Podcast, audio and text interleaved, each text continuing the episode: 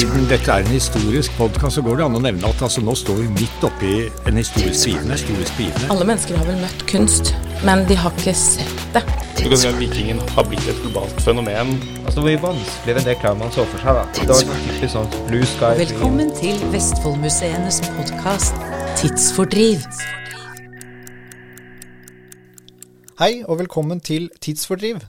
Mitt navn er Peter Bøttinger, og med meg i studio her har jeg min kollega og venn Elna Splin. Hei, Peter. I dag har vi en uh, spennende gjest. Vi har med oss Ragnar Orten Lie. Velkommen til deg. Tusen takk.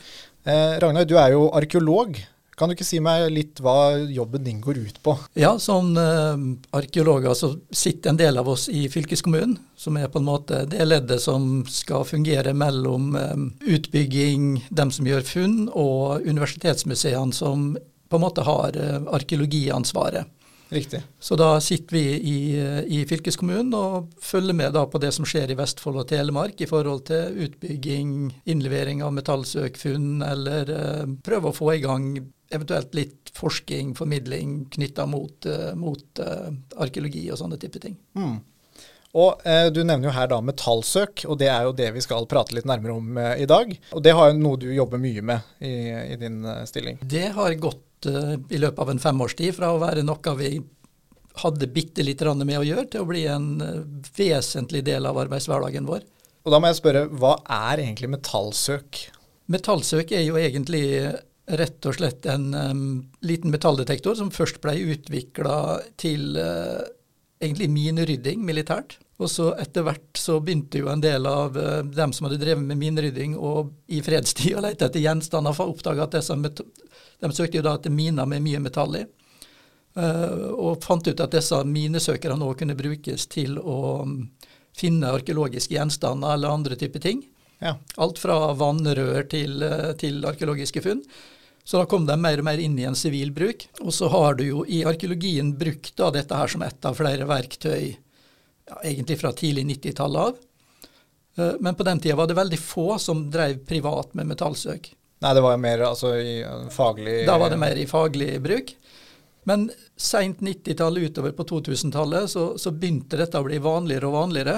Ja. Og fra sånn 2013-2014 så eksploderte det i antall folk som utøvde dette som en hobby. Ja, for det er, altså, det er en hobby man kan ha. Man kan, hvem som helst kan kjøpe seg en, en metalldetektor og, og, og, gå ut og bruke. Ja, i Norge kan du det. Uh, alle land har en forskjellig tilnærming til metallsøk. Og det er så ulikt selv i de nordiske landene da, at det er veldig liberalt i Danmark og forbudt i Sverige. Ja. Uh, og så står Norge på en måte litt nærmere Danmark, da. Du, Da må jeg få lov å spørre, hvorfor er det forbudt i Sverige, vet du det? Ja, altså det, var, det er jo ingen stor hemmelighet at um, det har vært utstrakt plyndring òg, med bruk av metalldetektor. Og i Sverige så var det nok en del um, tidlig plyndring på Gotland særlig, der du har disse store sølvdepot, de store sølvskattene som uh, har vært, Gotland har vært kjent for. Og det var ingen Ja, og de, de tok en del tilfeller der det rett og slett var raiding av sånne type steder. da. Mm. Og Da kom det et forbud, og det, det har de opprettholdt. Hvor lurt det har vært å opprettholde, for det er en pris òg. Det er en balansegang mellom hvor mye kriminalitet får du, og hvis du er veldig streng på dette her. Men Sverige har i hvert fall valgt den modellen, og så ligger Norge på en modell der hvem som helst kan gjøre det, men du har ikke lov å søke på et område som er, allerede er freda. Så der baserer man seg litt på den tilliten, på en måte, Ja. at, eh, at det er et ansvar man har. da. Et ansvar eh, som en har, og med det medfører jo et enormt informasjonsbehov. Mm. Jeg kan bare spørre, eh, for det er sikkert mange som lurer på det. Hvordan fungerer altså teknisk sett en metalldetektor? Hva er det, Hvis det går an å forklare det på en litt enkel måte, selvsagt. Ja, det er klart det, det har jo vært en rivende utvikling på dem òg. Sånn, I det store og det hele da, så er det jo bare at du slår på et eh, søkehode som sender signalene i bakken, og så får du en refleks tilbake hvis det ligger f.eks. en jerngjenstand, en sølvmynt eller eh, ei bruskork i bakken, så får du et signal opp. Etter hvert nå så begynner søkerne å bli så gode at de gir deg pekepinn på ikke bare at det er et signal i bakken, men om det signalet er jern, eh, aluminium eller, eh, eller sølv. Sånn at du, du, du får en mulighet til å diskriminere hva du ønsker å se etter. da. Ja. Så der ligger mange søkere nå, og mange er veldig dyktige på dette her. Og, og det er klart det vil i mye dyrka mark ligge mye rart eh, knytta til et eh, par tusen år med jordbruksdrift. Eh, det ligger mye, mye søppel i bakken òg. ja, for det er jo en ting at uh, den, den diskriminerer mellom type metaller, som du sier, men den diskriminerer jo kanskje mellom eh, tidsepoker. Så hvis man er ute etter å finne gamle eh, mynter fra, en, fra vikingtida f.eks., så finner man vel ganske mye som, Det har skjedd ganske mye mellom vikingtida og nå som ligger igjen i, i jorda, da, eh, kan jeg tenke meg.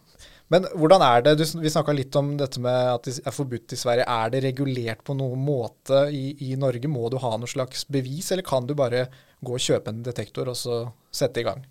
Nei, han kan vel si litt eh, dessverre. Eh, Det burde ha vært en slags sertifisering. Men det er det ikke, og det er altfor seint å gjøre noe med det nå. Hvis det skulle vært gjort, så måtte det vært gjort nasjonalt, og det måtte ha vært gjort for ti år siden. Ja, ikke sant? Så i teorien nå, så, eller i praksis, så kan hvem som helst nå bare gå på en butikk, eh, kjøpe en metalldetektor og gå i gang. Ja.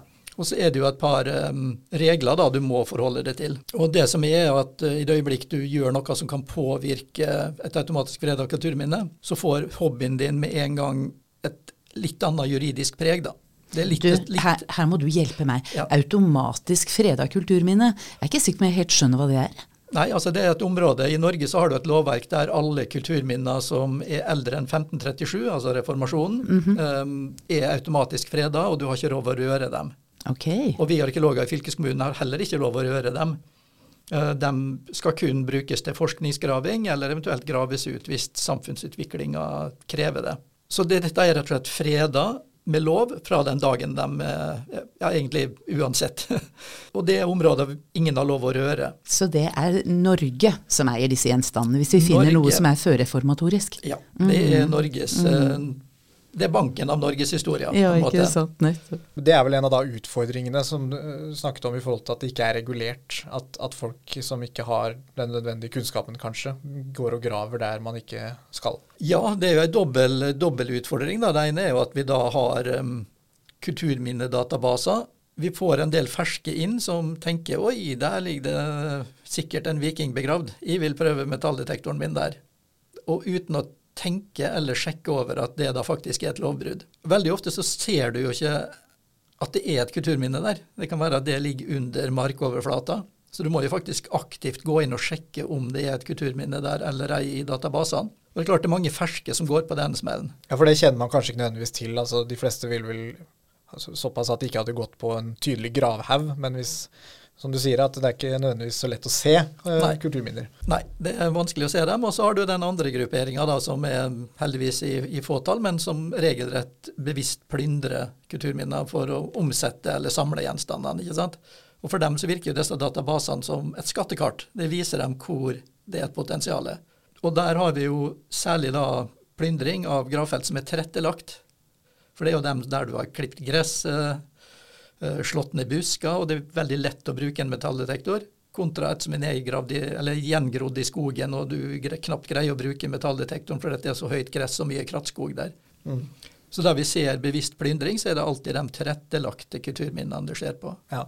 Jeg vil jo tro de fleste som driver med det, har ærlige hensikter. Og da er det vel sånn Altså, man er vel nødt til å levere inn det man finner? Alt eh, er jo da statens eiendom. Det er mm, på en måte norgeshistorie av dette her. Så alle, alle gjenstander som er eldre enn 1537 skal leveres til staten. Og hvordan går man fram da, hvis jeg nå har vært ute med metalldetektoren, og så finner jeg en, en mynt f.eks., som jeg mistenker er eldre enn 1537. Hvor går jeg hen da?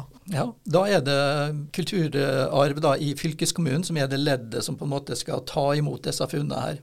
Og så er det jo da viktig at grunneier er informert. For det at verken fylkeskommunen sine arkeologer eller metalldetektoristen eier grunnen her. Det er jo alltid en grunneier, en gård.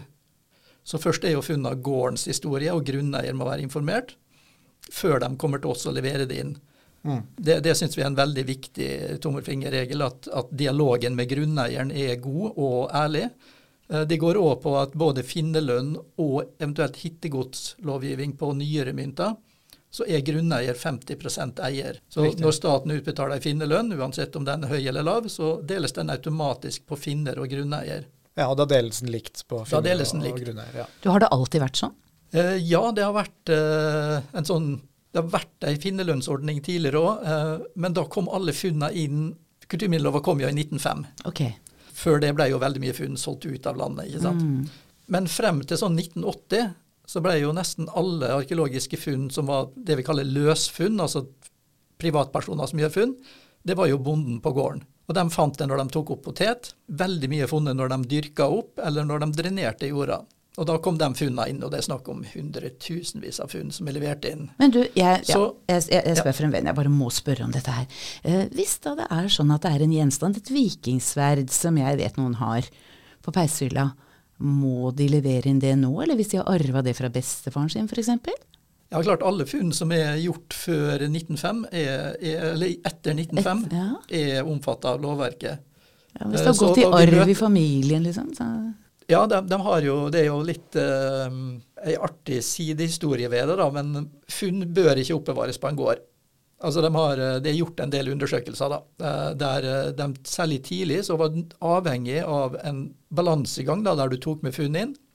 Men så var det òg en del funn som lå på gårdene fra før 1905, som gikk tapt, rett og slett. En grunneier er opptatt av det, neste generasjon syns det er gøy å ha det, tredje generasjon bryr seg ikke om det. Fjerde generasjon selger gården.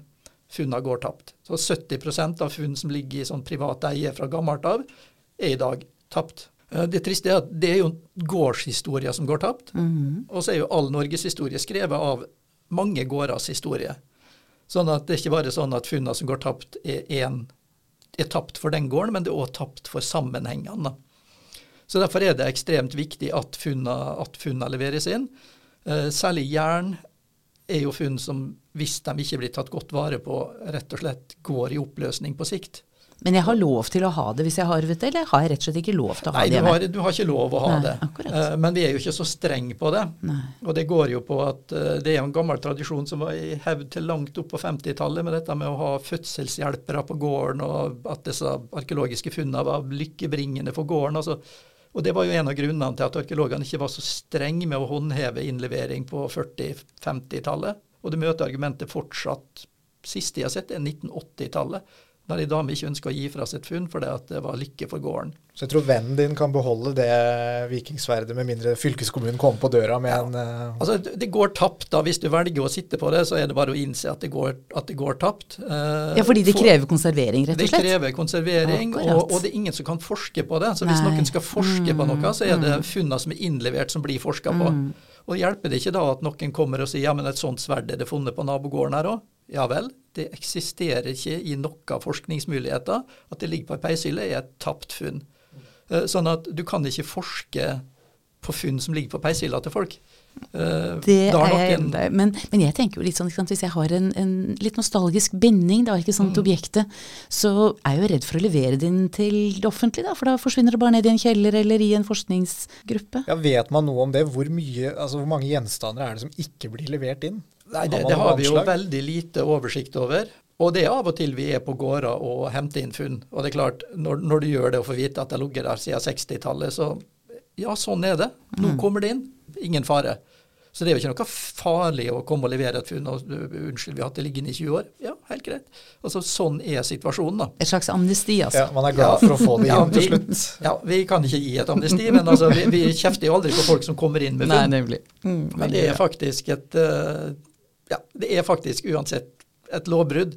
eh, Men oss, det, er ikke den biten vi bryr oss om. Det viktige er å sikre den kunnskapen som ligger i disse gjenstandene, og få et representativt bilde som gjør at vi kan snakke om Vestfold og Telemark, eller en kommune sitt historie, si, si historie. Da. Og, da, og da trenger vi disse funnene.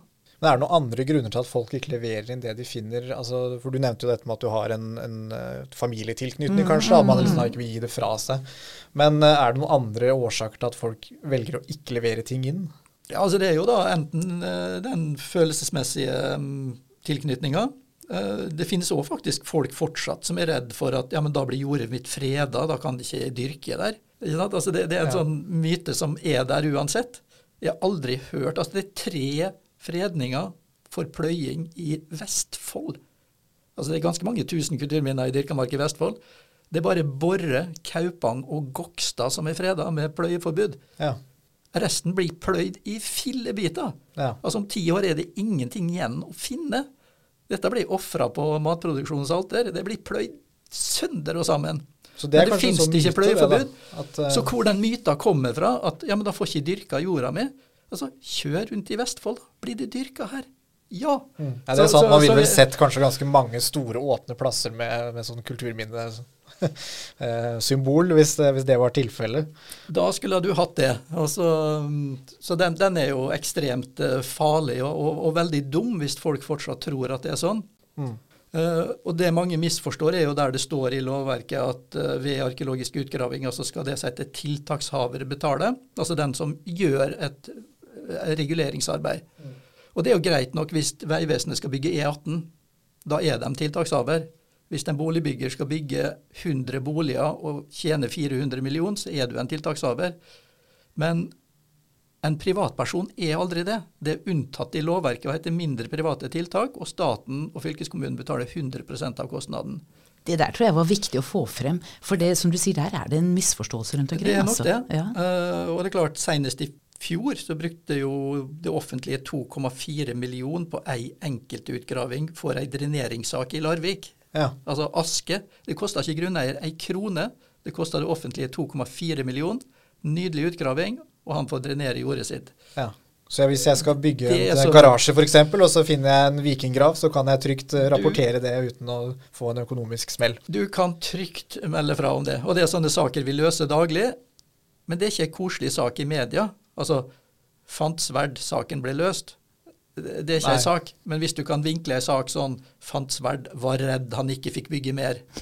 Da har du en konfliktsak, og da, da blir det my mye oftere et medieoppslag. da. Ikke sant? Men det, men det er hverdagen vår å hente funn sånn. Det er hverdagen vår å, å foreta den typen uh, utgravinger som gjør at privatpersoner ikke, ikke får kostnadene ved det. Ja. Jeg vil jo også tenke i forhold til altså, ikke levere inn. Eh, er det et svart marked, rett og slett, for, eh, for gamle gjenstander? Eller Ja, man det er jo dessverre det. Eh, og det er faktisk ekstremt stort. altså Internasjonalt så snakker du jo om et felt som er fullt oppe der på, på høyde med våpen og narkotika. ikke sant? Ja.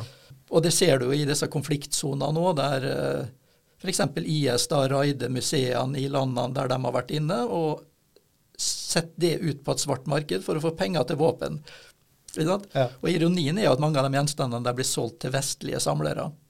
Eh, Så, så du får egentlig vestlige samlere som er med og gjennom da ulovlig antikvitetshandel og finansierer f.eks. IS sine våpenkjøp. Så har du tilfeller faktisk der det er gått et parti inn der det er blanda, eh, og det går i de kriminelle nettverkene. altså Det, det går eh, ulovlige kulturminner Kulturminnekriminalitet går sammen med narkotikahandel i samme nettverkene. ikke sant? Ja. Det, men det er bare det at risikoen for å bli tatt og straffa er lavere, men økonomien er kanskje høyere ved å ta antikviteter fremfor narkotika. Ja. Nå har man sett noen eksempler på altså, kulturminner fra Norge eller Skandinavia som har forsvunnet ut. Jeg bare tenker på dette med vikingtid. er jo Mm. veldig populært i resten av verden eh, nå. Ja. Så jeg vil tro at det er et, eh, et marked for det.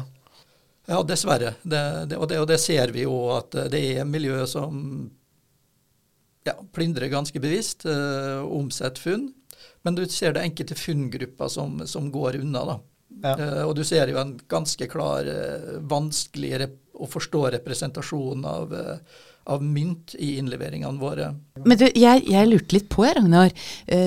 Hvis det er sånn da at det er så mye å finne i Vestfold og Telemark, er det grunnlag for en sånn ny turisme, på en måte? En sånn detektorturisme, hvis dette er blitt sånn folkesport? Både og. Eh, Den detektorturismen går til bl.a. England. Oh, ja.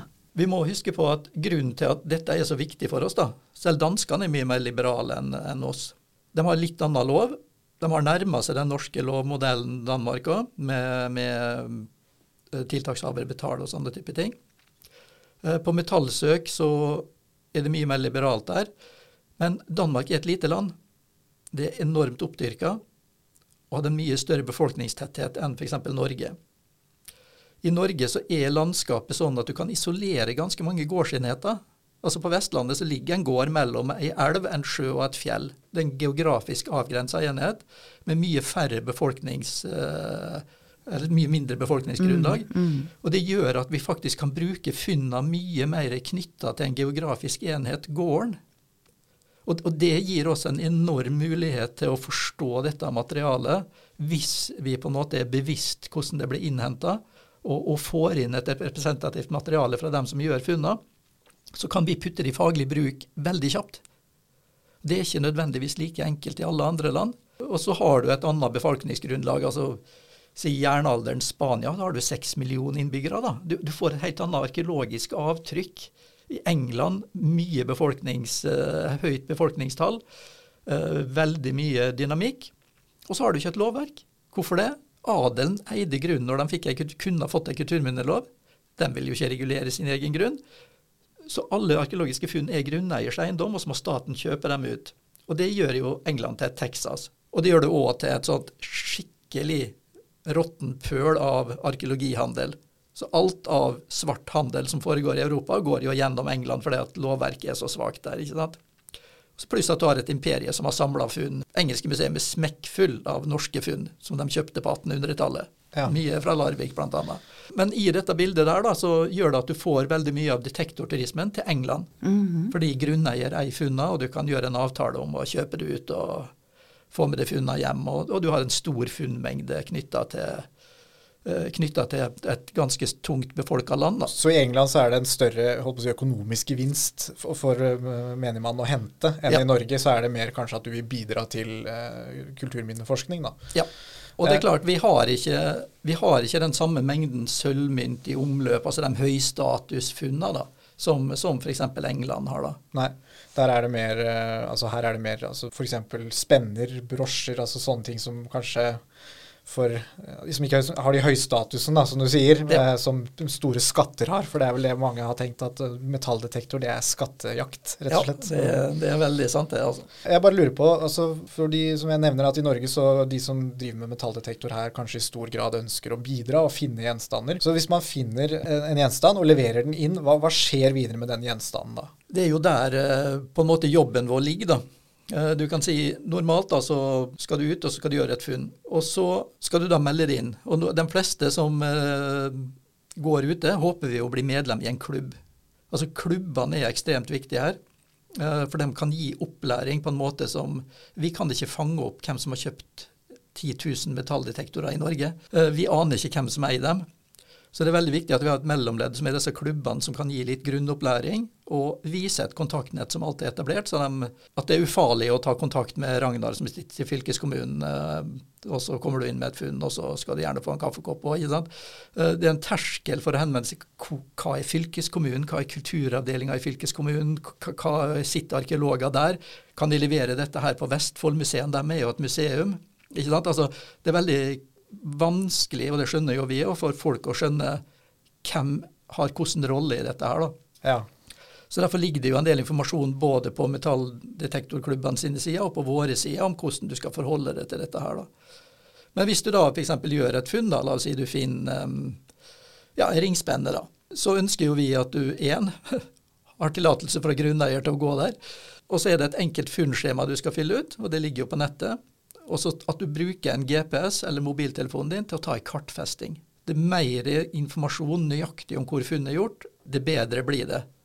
Eh, og det er veldig vanskelig. Alle vet det at når du står midt ute på et jorde, og så skal du gå 14 dager, og så skal du gå inn på gule sida og si hvor på jordet du har stått, da, da blir det 50-60 meter avvik i hvert fall. Så ta ei kartfesting der og da, når du står på stedet. Det, det er veldig viktig. Og Så kommer de til oss, og så tar vi imot funnet. Eh, når vi får funnet inn, så tar det oss ca. en halvtime per funn. Da registrerer vi det, fyller på all informasjon som trengs inn, laster det inn i de nasjonale kulturminnedatabasene, fotograferer dem, pakker dem for innlevering, og så drar vi inn til Oslo tre ganger, i året og leverer disse funnene til uh, funnmottak på Kulturhistorisk museum. Men du Ragnar, er det sånn da at dere fra fylkeskommunen jobber med disse foreningene? Altså aktivt? At det er rett og slett et samarbeid med frivillighet f.eks.? Det er jo en stor grad av, av samarbeid med frivillighet. Eh, og det er et enormt informasjonsbehov. Og det informasjonsbehovet blir best demma opp gjennom de frivillige sine klubber, uten tvil. Nei, for jeg tenkte Hvis dere hadde da et felt som dere gjerne skulle ha sett på, er det sånn at dere kunne nesten be en, øh, en gjeng kan dere ta for dere dette, og så kunne dette vært en form for turisme? Ja, både og. For det, vi er ofte ikke grunneier. Nei. Eh, På Borre har vi jo gjort akkurat dette der, eh, med det svartmetallsøket på, mm, ved Gildehallen, vet å rydde etter metallfestivalene der, og, og for å rydde etter Midgard vikingmarked, så, så gjør vi det.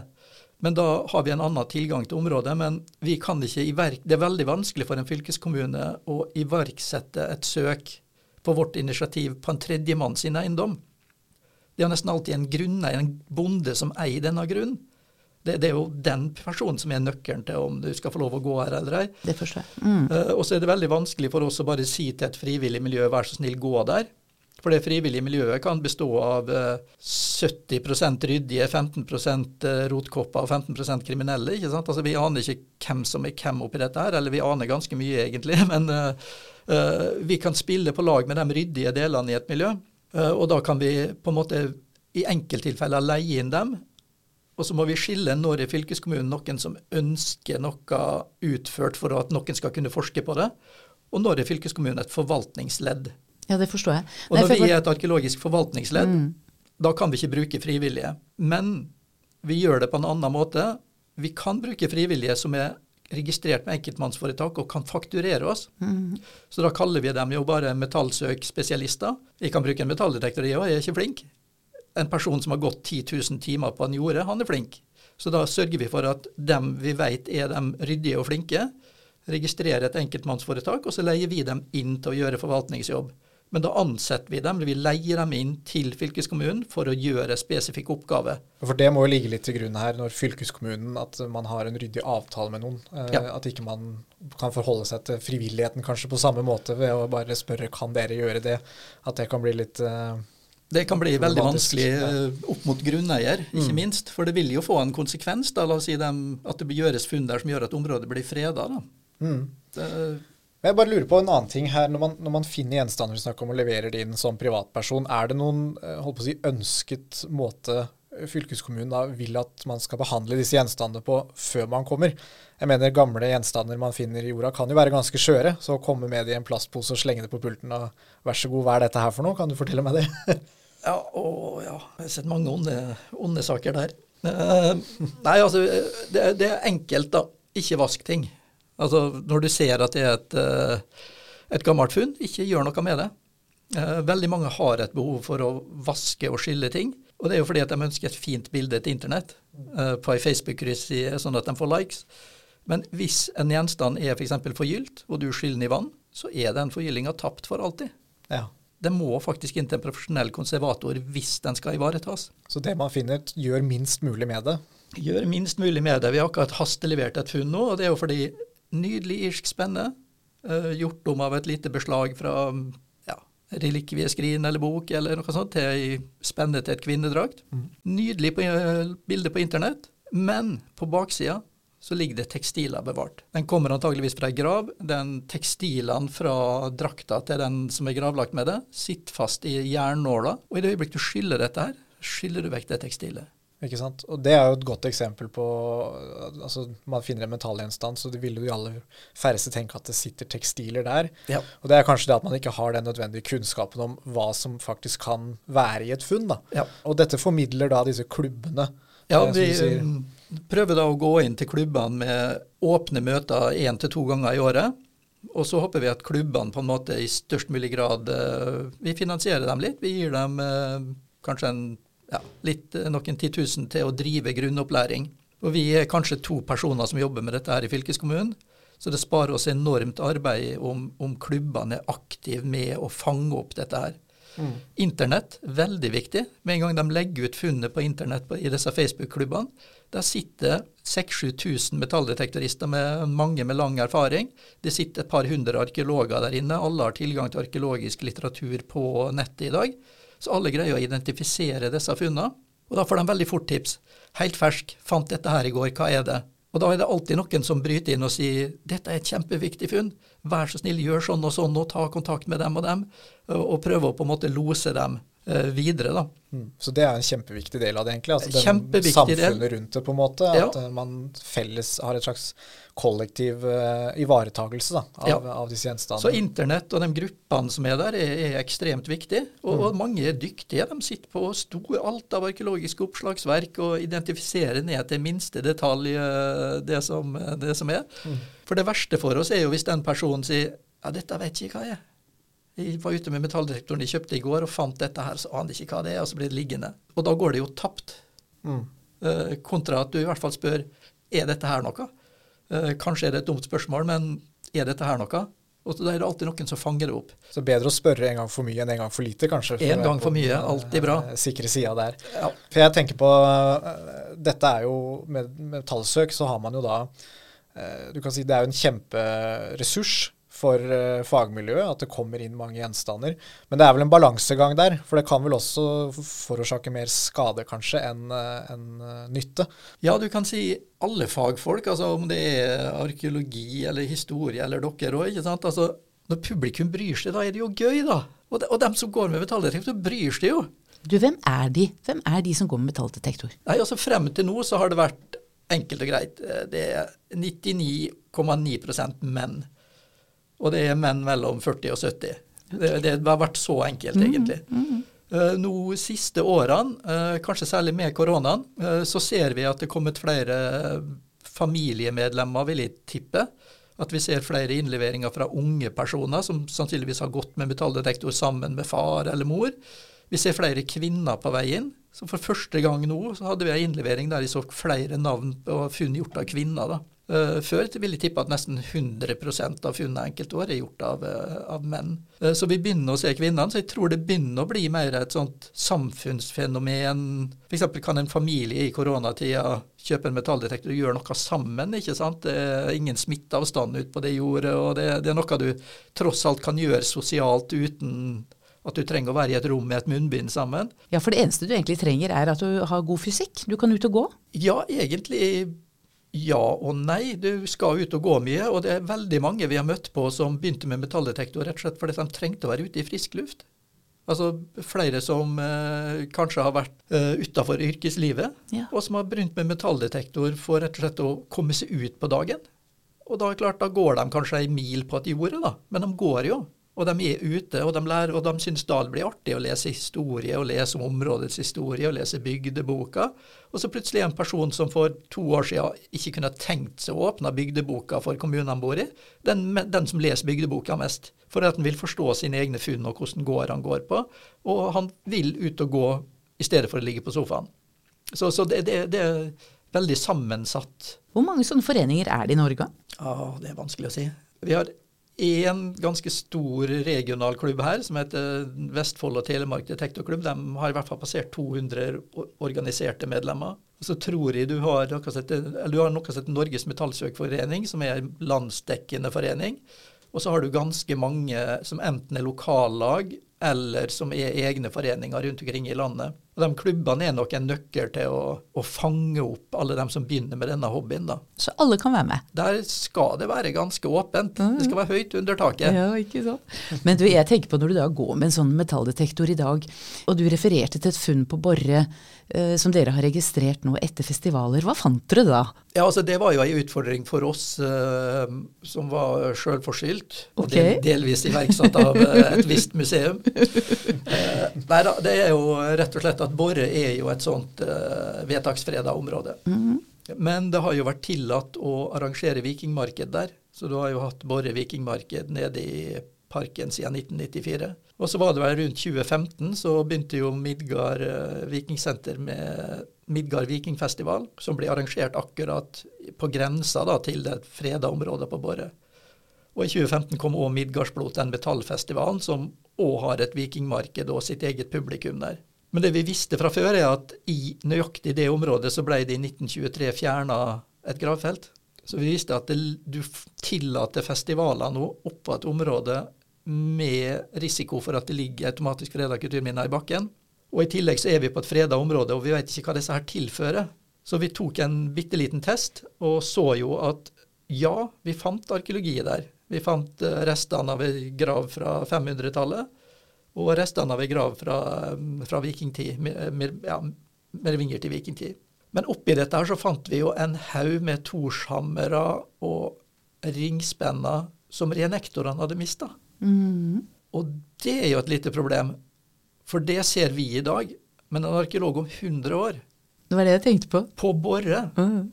som finner masse torshammere, da, tør han å si at dette her er et moderne marked i 2015? Eller tror han at dette er noe som faktisk er fra vikingtida? Så da har dere dokumentert vår samtid. Så da har vi måttet ha dokumentert det.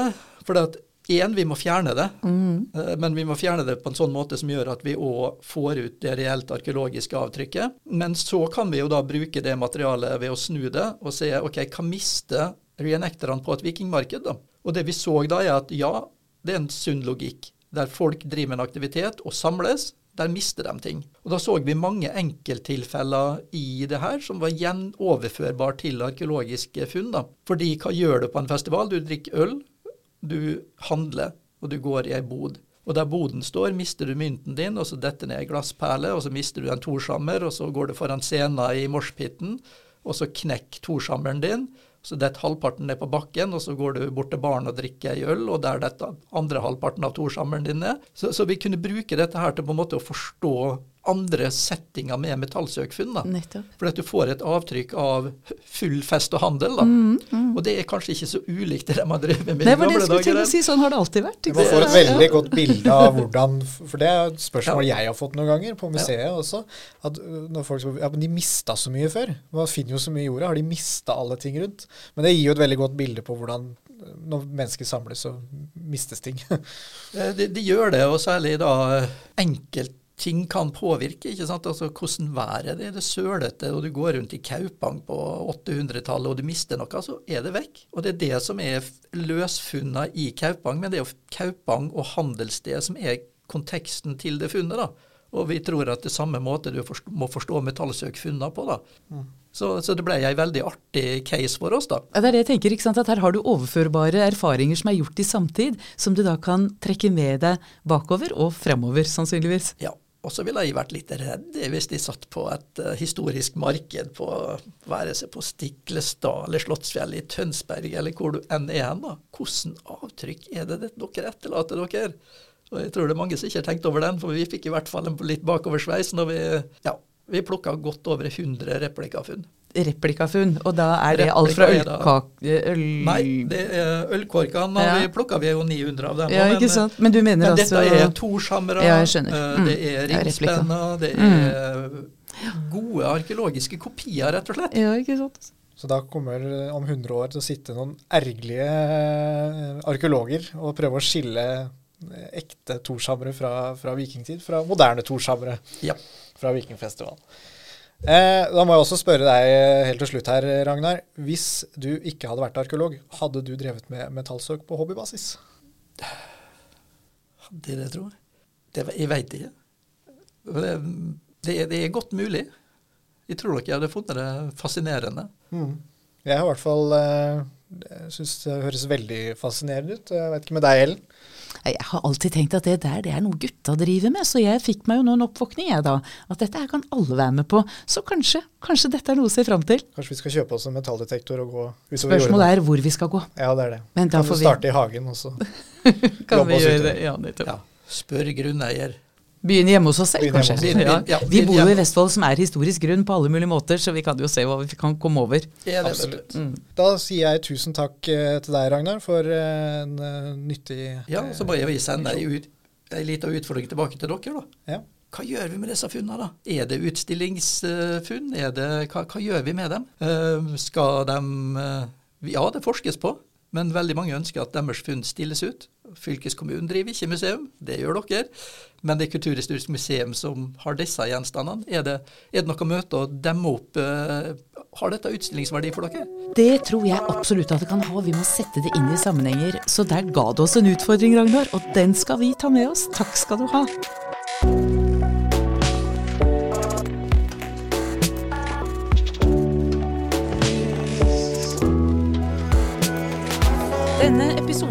Laget av produsent Susann Melleby, lydtekniker og klipper Jon Anders Øyerud Bjerva, Petter Bøttinger og meg, Ellen Aspelin. Tidsfordriv er en podkast fra Vestfoldmuseene.